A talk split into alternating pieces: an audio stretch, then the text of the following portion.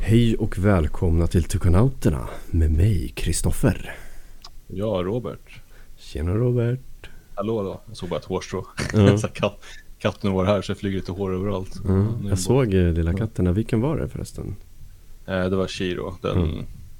Han är inte äldre sig. Nej. Men han är den första vi skaffade. Eller inte första men ja. Han är så himla tjonkig nu alltså. Han är ju han äter och äter alltså. Jo Ja. han är fett gullig. Ja. Ja, det, han vet att jag är weak. Mm. Så han kommer till mig och gnäller om mat hela tiden. Men nu har jag lärt mig säga nej. Mm. Och sen att han, han la i sig där så visade du mig med webbkameran där. Ja. Så en riktig mys, mysgosse. Ja, nu är han i sovrummet och sover tror jag. Ja. Mm. Mm. Mm. Mm. Jag såg din, eh, din eh, lilla, lilla avföding. Ja. Ja, han är ju riktig, riktig kämpe nu. mm, svårt att se bara vem man liknar. Alltså det är svårt att säga.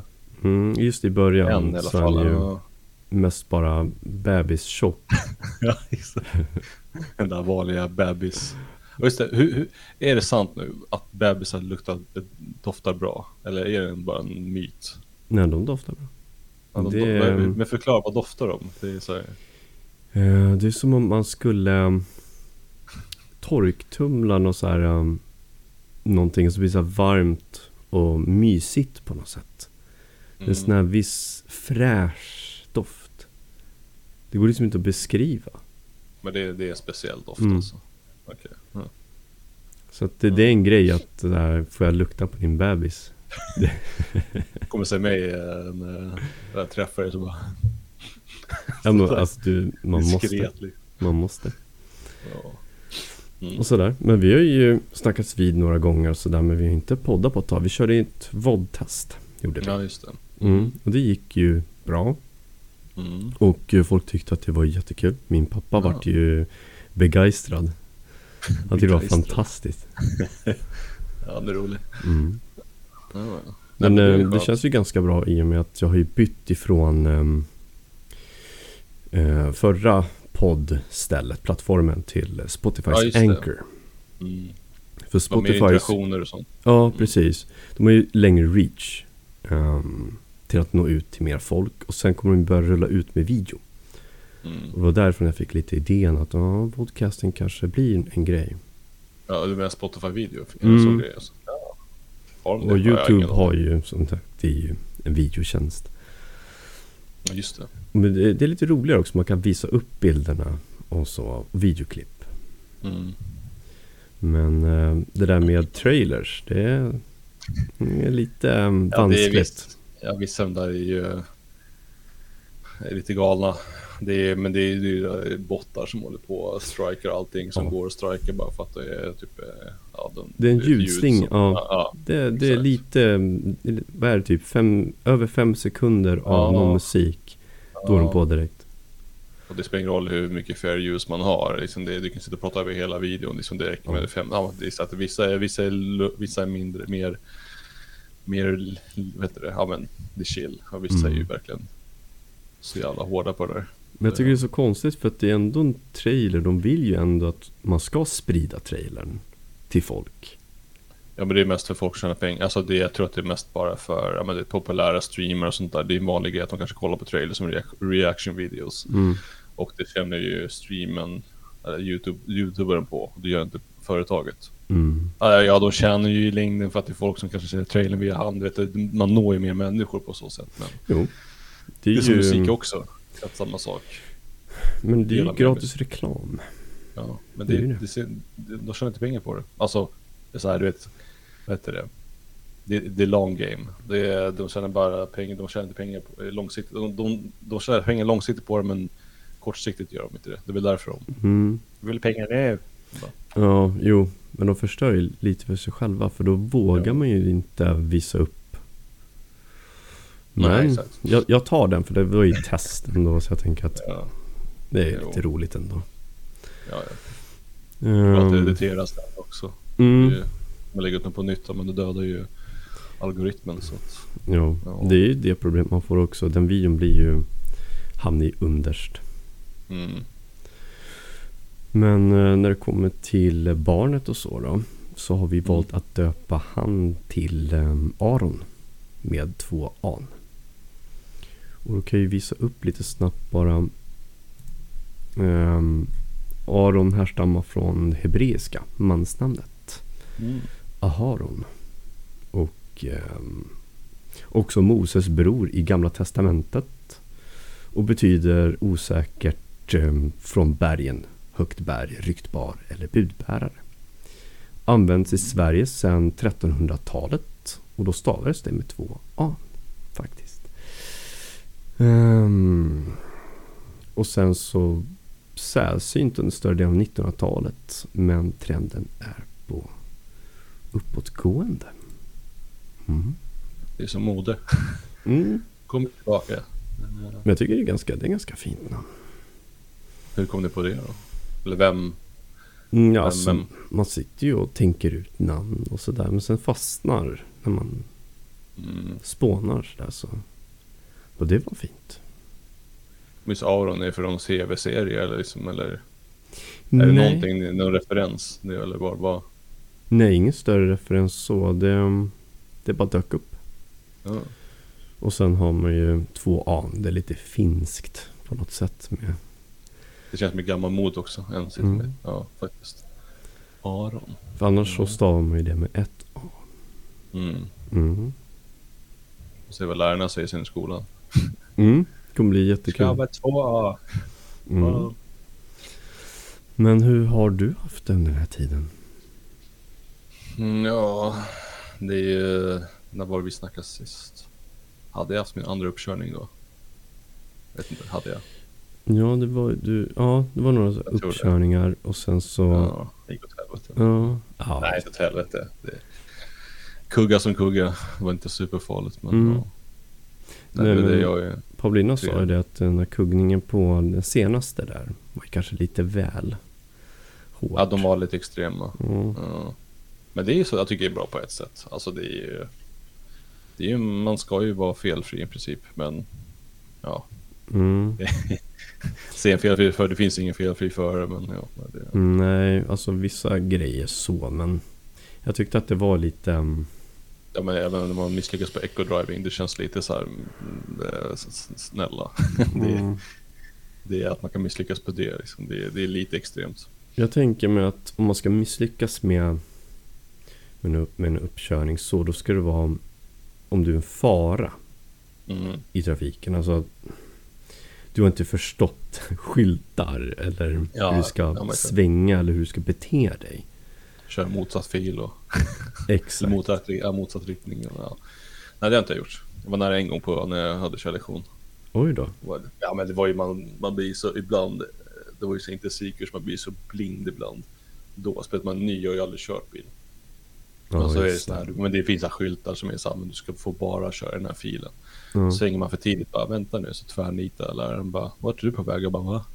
så bara, jaha, Mm, där var den här skylten, just det. okej. Ja, ja. Nej, men det är, ja, men det är mycket man ska tänka på, så fy fan. Uff, uff. Mm. Mm. Man blir gammal vet du. Fan, jag är snart 40. Oj. Snart. Mm. Ja. Det är Dags att ta körkort. Nu när det är som värst också. Allting som nästan när allt, alla priser går upp och det är inte billigt någonstans. Mm. Bara, nu ska jag ta körkort. Det är jäkla dyrt. Mm. Men det är bra att ha. Speciellt man, om man vill byta jobb och sånt. Mm. Är bra att ha i bakfickan. Jag har en liten historia apropå du nämnde om att köra på fel fil. Jag jobbade med, med farsan en gång och så åkte Mm. vi på motorvägen. Jag kommer inte ihåg vart vi skulle någonstans men eh, helt plötsligt så, man ser ju bakljusen på bilarna. Mm. Man, då ser man att det är bakljus. Och sen ser vi att det kommer strålkastare mot oss. Och jag tänker så här till farsan att men det där är ju inte bakljus. Det är för ljust. Mm. Och då är det någon som kör på fel sida av den här motorvägen. Och motorväg också. Fan.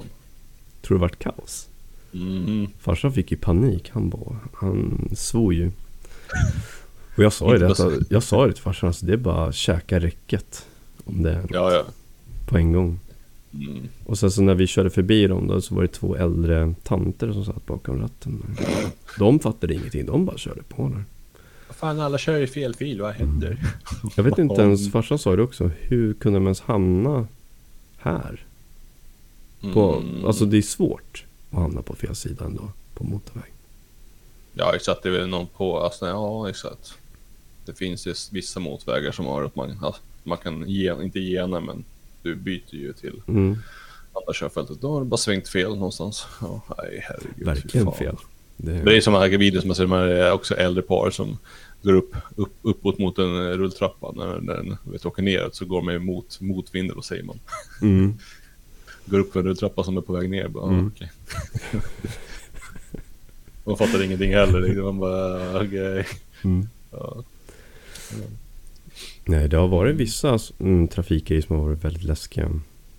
Mm, jag var med en, eh, min kompis när vi eh, jobbade på ett ställe och så höll vi på att bli avprejade från vägen av en kille. Vi skulle upp på motorvägen och så började ju mm, min kompis eh, öka farten för att svänga in då. Men då var det en bil som eh, körde, matchade vår hastighet. Sen låg han bara bredvid oss.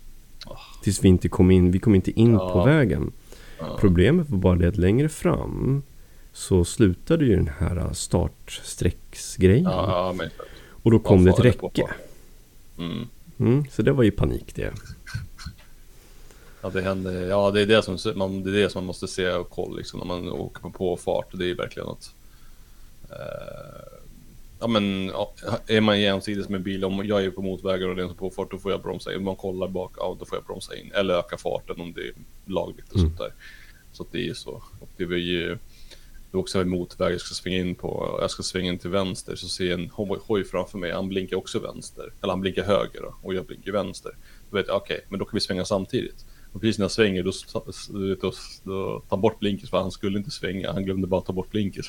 Så han åker ju Mm. rakt fram så jag fick gasa lite. Aha. Så det var så här, oh shit. Så Mm. att man så inte kör in i sidan liksom. Ja, så illa var det inte men det var, det kunde ha högre fart så hade det Mm. kunnat gått illa. För han skulle ju inte svänga. Mm. Ja, Ja, men det, är, det är lite läskigt ibland med... Man känner sig ganska säker i, i, i en större bil. I en byggarbil eller Mm. sånt. Men personbil och sådär. Mm. Ja, ingen ryskt märke i alla fall. En lada. det går illa. En lada exakt. Det är Mm. lika en plastkåpa. Mm, fan. Mm. Mm. Jo, annars för mig och sådär. Jag har ju återgått till arbete. Ska börja på, eller jobba på finsnickeri. Uh. Så det är ganska spännande. Så man gör lite allt möjligt verkligen. Just nu håller jag på med att göra sådana salladsbestick i trä. Så man böjer träet på ett visst sätt. Då går det som en sån här böj typ. Mm, Det går snirkelsnorkigt. Det är kul. Jaha. Och sen så ska jag få börja göra um, eh, likkistor. Då lär du dig in någonting där. Så, så hemligt sin rip. Så. RIP någonting, så dagens datum. Mm. Men det speciella eh, likkistor. Det är um, till judar faktiskt. Mm. Men vad är det speciellt då? Eh, det är så. Ja, egentligen så är det så att de, eh, om jag förstått det rätt, och då får man fact-checka mig på den här, men eh, de sveper ju sina anhöriga och sen lägger ner dem i marken. Och i, i Sverige så får du inte göra det. Du måste ha en, du måste ha en kista. Och då har Mm. de en speciell kista av, om, om jag förstår det rätt nu, tunnare trä. Som sen är ett speciellt hål i botten. Som gör att ehm, jag tror att det ska förmultna samtidigt i marken. Eh, Ja, ja. Så typ inte organiskt men att det blir... Och då säger jag hela kistan. Ja, om jag förstår rätt. Om jag, jag såg ju materialet och så fick ta på det och sådär. Okej. Så det är väldigt, och sen så ska man eh, använda en... Vad var det? Man fick inte använda en sån här spikpistol men en plastpistol som skjuter in så här pluggar i, i, i det här Mm. träet. Och så att jag antar väl att det också är något organiskt material av något slag som också försvinner. Någonting sånt där. Lär inte Mm. vara plast men någonting åt det hållet. Ja, men... Ja, ja. Så det är väldigt speciellt det där finsnickeriet där. Coolt. Väldigt intressant. Är lite nytt. Det visste jag. Hade ingen aning om att man kunde göra sånt där. Mm. Ja, ja. Mm. Och hur går det för dig då med um, dags... Ja, det går ju bra. Dag, dagen är ju... Alltså att jag jobbar ju dag nu från och med februari så att det... Mm. Som sagt, så bättre. Livskvaliteten ökade mycket. Jag har inte lika mycket... Alltså, jag var ju ledig när jag var nattför. Man ledig fyra, fem dagar i rad. Mm. Men... Humöret var inte så topp hela tiden. Men jag vet inte, det är, nu är jag ledig två till tre dagar max. Per vecka. Eller inte per Mm. vecka, men i sträck så att det funkar. Mm. Värsta är att jag ska på utbildning nästa vecka. Okej. Alltså det är, så här, det är någonting som väktare måste gå, så här, f- eh, fortbildning. Efter var fjärde år. Men det har varit uppskjutet nu två år på grund av covid och det här. Mm. Så att, ja, det blir nog du, det blir tre dagars kurs. Ugh, så värdelöst. Det är bara repetition på allting man typ hade på första, första utbildningen. Hade man ju två veckor, tror jag bara. Mm. En vecka och andra, ja exakt. Och då är det bara repetition på det typ. Så att det är så, här, på tre dagar. Mm. Så det är inget speciellt, men det är bara så tråkigt. Du kommer acea det. Ja men det är tre dagar och sen är jag ledig en dag. Och sen ska jag jobba tre. Så, är så, så nästa vecka kommer inte bli roligt. Mm. Men, mm, Humöret och Ja. sånt då när man jobbar dag, det var ganska skönt. ja, ja. är det, är det någon ju skillnad känner du? Humöret. Mm, Alltså, ja, alltså- ja, man, är inte lika, man är inte lika irriterad. Verkligen inte. Mm. Och sen är det väl, ja det är typ det. Man har mer energi att göra saker också. Det har man. Ja. Och det ja, det sociala och sånt där. Det är så här, eh, det spelar ingen roll men det är ju, mm, ja, allmänt bara bättre. Men det. kan vara ganska skönt också när du slutar jobbet att du kan gå och handla någonting kanske. Ja, ja, ja, det är in, ja, på morgonen hinner ja, man hinner det också för det kunde man på natten när man jobbar natt. Okej. Då kunde man alltid gå förbi affären innan de stänger. Mm. Men ja, det är oftast, men det är värsta att det går, ja det går ju i och för sig. Mm. Inte lika lätt men det funkar. Mm. Man vill inte gå in på mal på, vad fan är det, Mall of Scandinavia typ så här halv sju på morgonen bara. Handla. Nej fy fan. Men om jag har förstått det rätt så som en säk- säkerhetsvakt ehm, du, får du ingripa?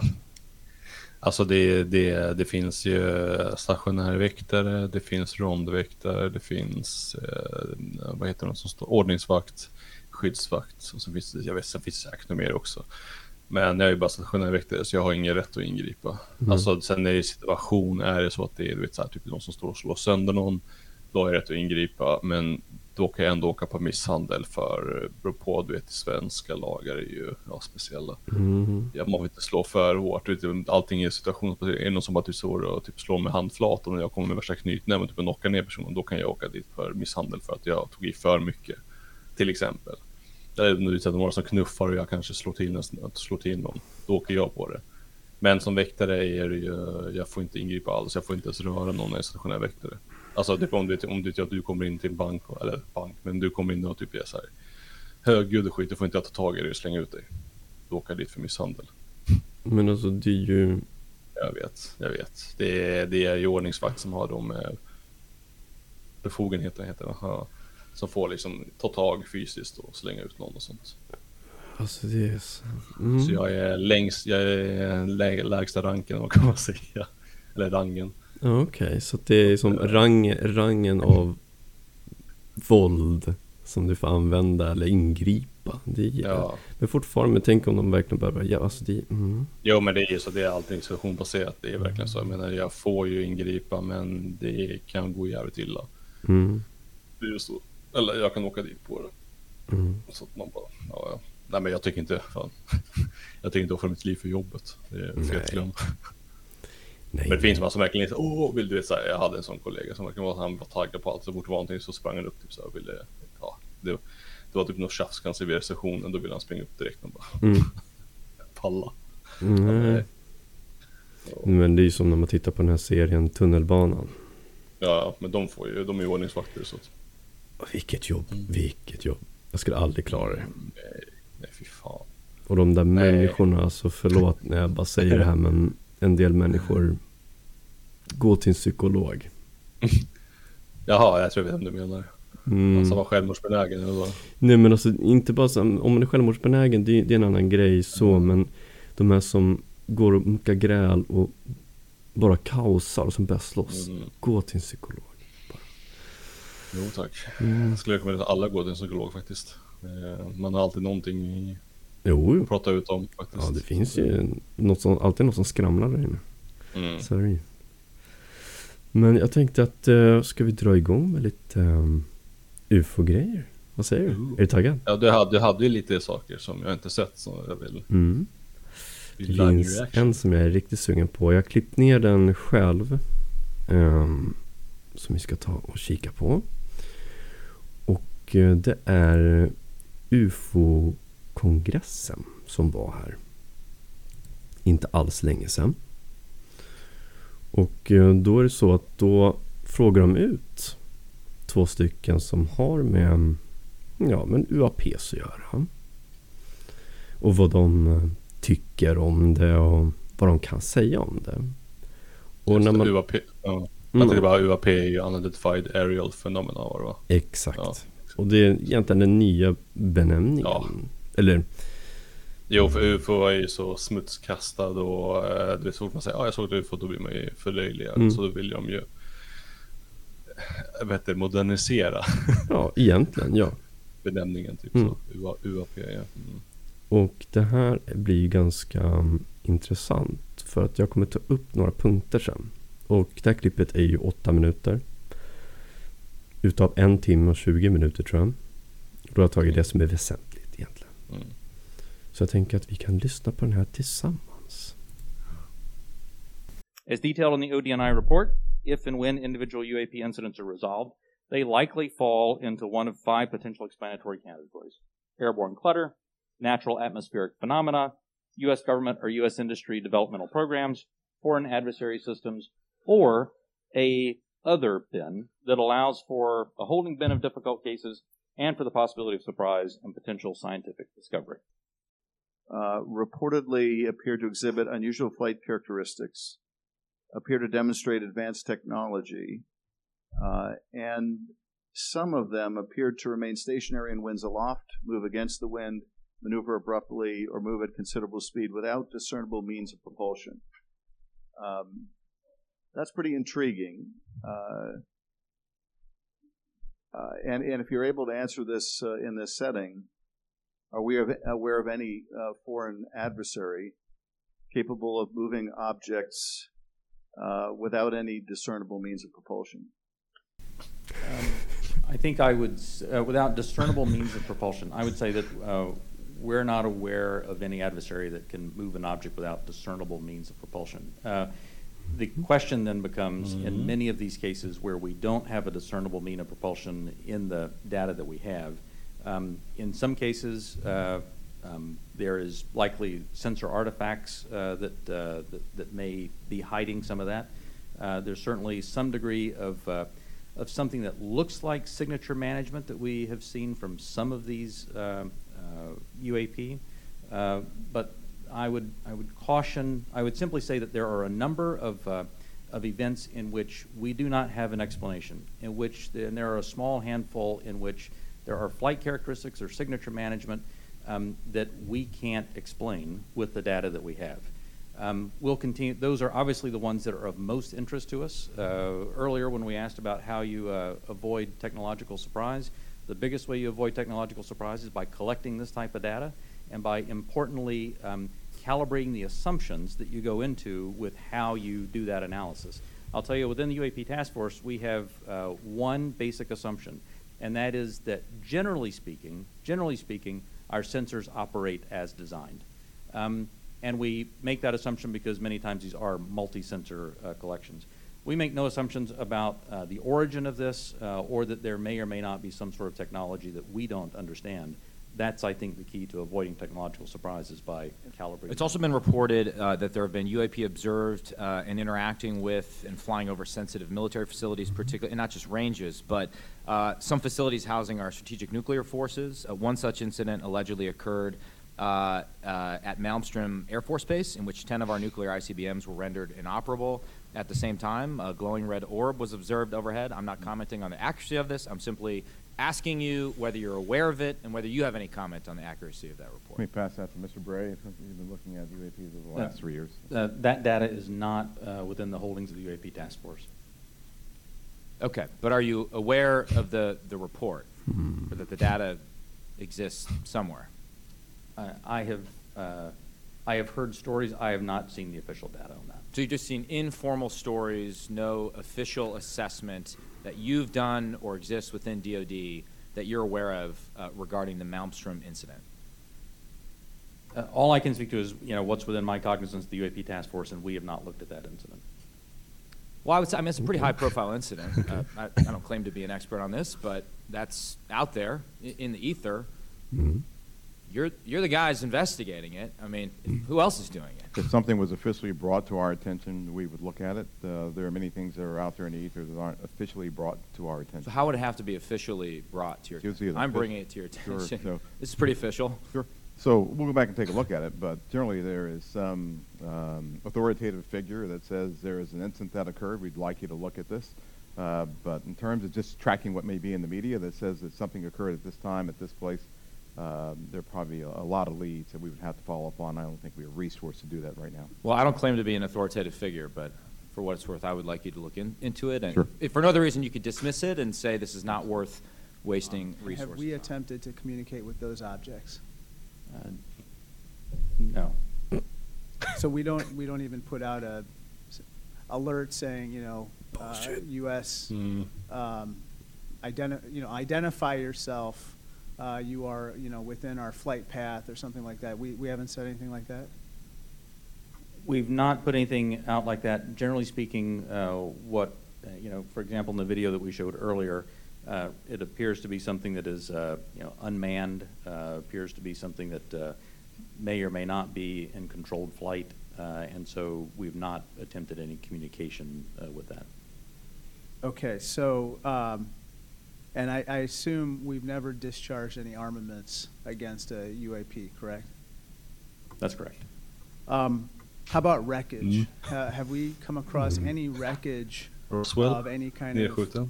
um, object that has now been examined by you? The UAP task force doesn't have any wreckage that isn't uh, explainable, that, that isn't consistent with being of terrestrial origin. Do we have any sensors underwater uh, to um, detect on submerged UAPs?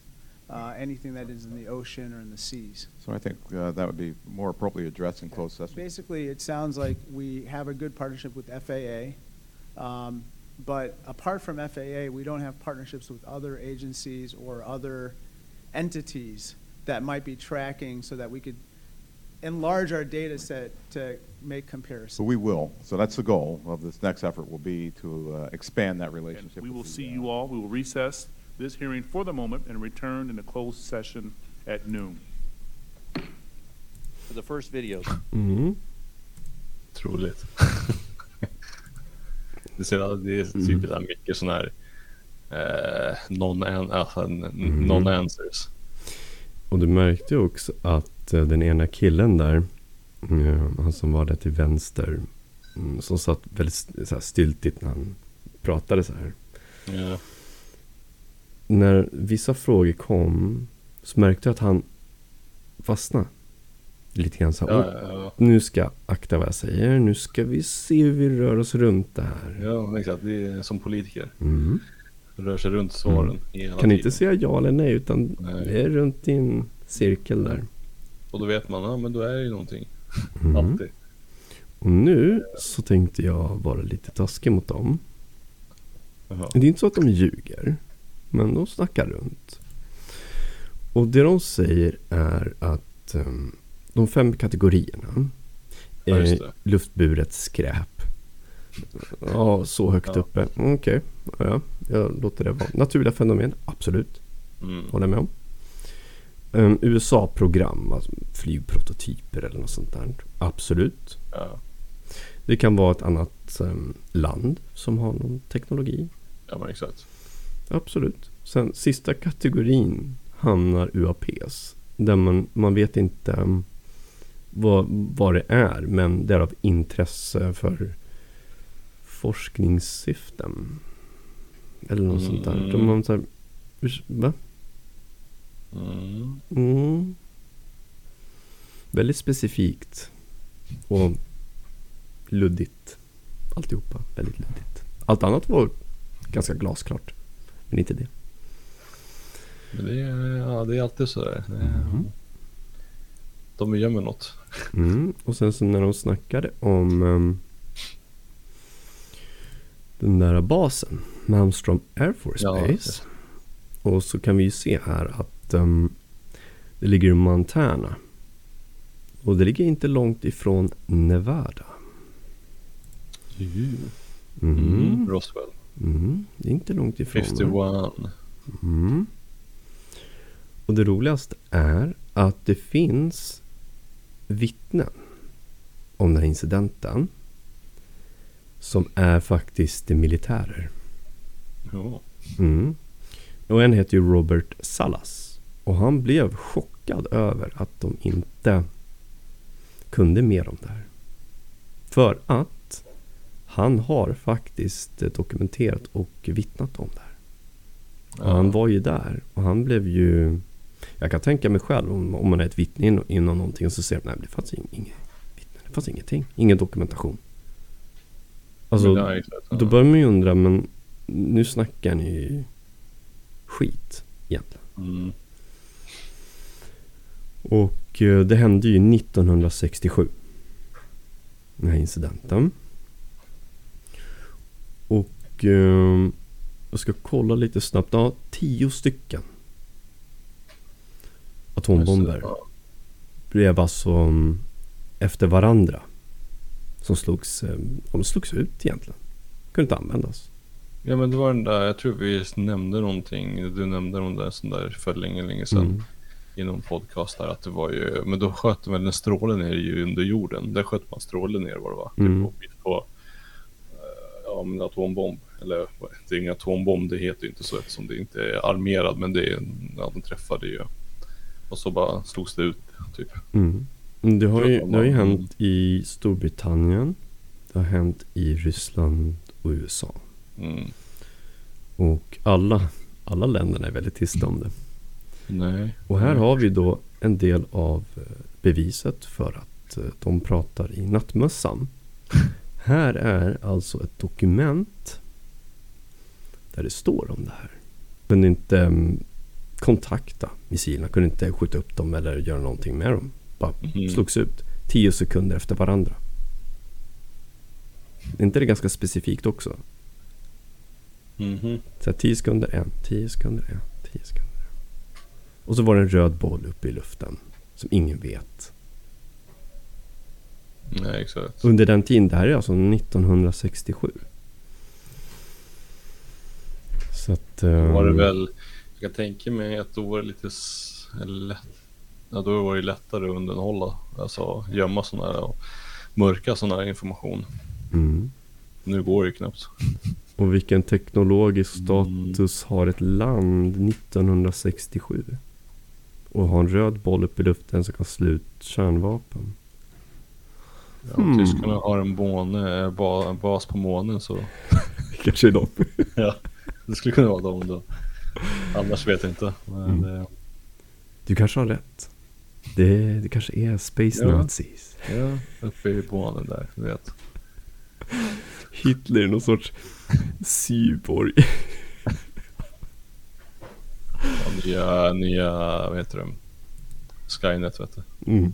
Eh, Sen att där på slutet så sa de att så här, mm, men nu är den här um, eh, den offentliga um, ska man säga, fråge, frågestunden över. Sen ska Ja. de till eh, mer slutet och prata. Då tänker man, "Jaha, vad händer där då? Ska de Mm. skriva under lite papper kanske för någon sån här eh, NDA? Non-disclosure agreement. Där man inte får prata om vad de har pratat om i det stället. Och vi kan ta ut, ta ut, eh, vi kan, eh, vad heter det, Freedom of Information Act om typ 70 år. Mm. Så återigen mycket snickeri-snack. Men ändå så släppte de fram lite information. Det gjorde de. De sa ju att det är ju av intresse. Mm. Men också att de har en UAP Task Force. Nej, men de har ju en eh, officiella, officiellt ju två stycken. De där som vi snackade om. Mm. TikTok, tack, TikTok, Mm. TikTok. TikTok-videon och andra. Att det är liksom, ja, det är officiellt, vi vet, vi vet inte vad det är. Och ändå så var det ingen, så, ingen stor grej i media. Vad var det, typ några dagar sen bara Mm. tyst. Man bara, men hallå, hallå. Men tänkte också på att de spelade inte upp dem heller. De spelade bara upp de här två. Mm. en grynig video med på natten och sen den här med där det fanns en frame och Men, ja. det var jag som gjorde slow motion jag hittade bara den där på en enda frame så snabbt gick det de kunde inte ta upp de andra videosarna och de har Nej. säkert fler också för att tänk dig sen 40-talet hur mycket mer videos har de Mhm. ända tills nu. Och de har ju rapporterat om det här under så lång tid så de måste ju ha hur mycket som helst. Att det här har råkat läcka ut. Det är då de tar upp de här sakerna. Det är då de visar dem. För det är de officiella Ja, det egentligen. måste de göra. Mm. Men varför tog de inte in några vittnen? Piloter, servicemen, ja, marinen. Kanske det var en sån typ av ehm, ja, kongress man ska säga. För det var någonting annat om man ska ta in vittnen och sånt där. Ja, det stämmer ju överens med lite grann med frågorna som ställdes. Mm. Jo. För det är ganska viktigt och hur de tolkar det, vad de såg och upplevde. Mm. För de är, de är ju trots allt vittnen. Men, men det... Hoppas det kommer sen. Att mer och mer vågar komma ut nu och sånt där. Jo, Faktiskt. det känns som att det sakta men säkert luckras upp. Det gör det. Så får man ju se Mm. Mera sådana här um, dokument börja dyka upp i The Mm. Black Vault som man kan Ja, googla på. Och med det sagt så är detta slutet av del 1. Nästa del kommer förhoppningsvis ut nästa vecka. Kika gärna på Vodcasten via Youtube eller varför inte test Vodcasten för den är inte i poddformat. Tack för att ni har lyssnat så hörs vi av nästa gång. Hej då!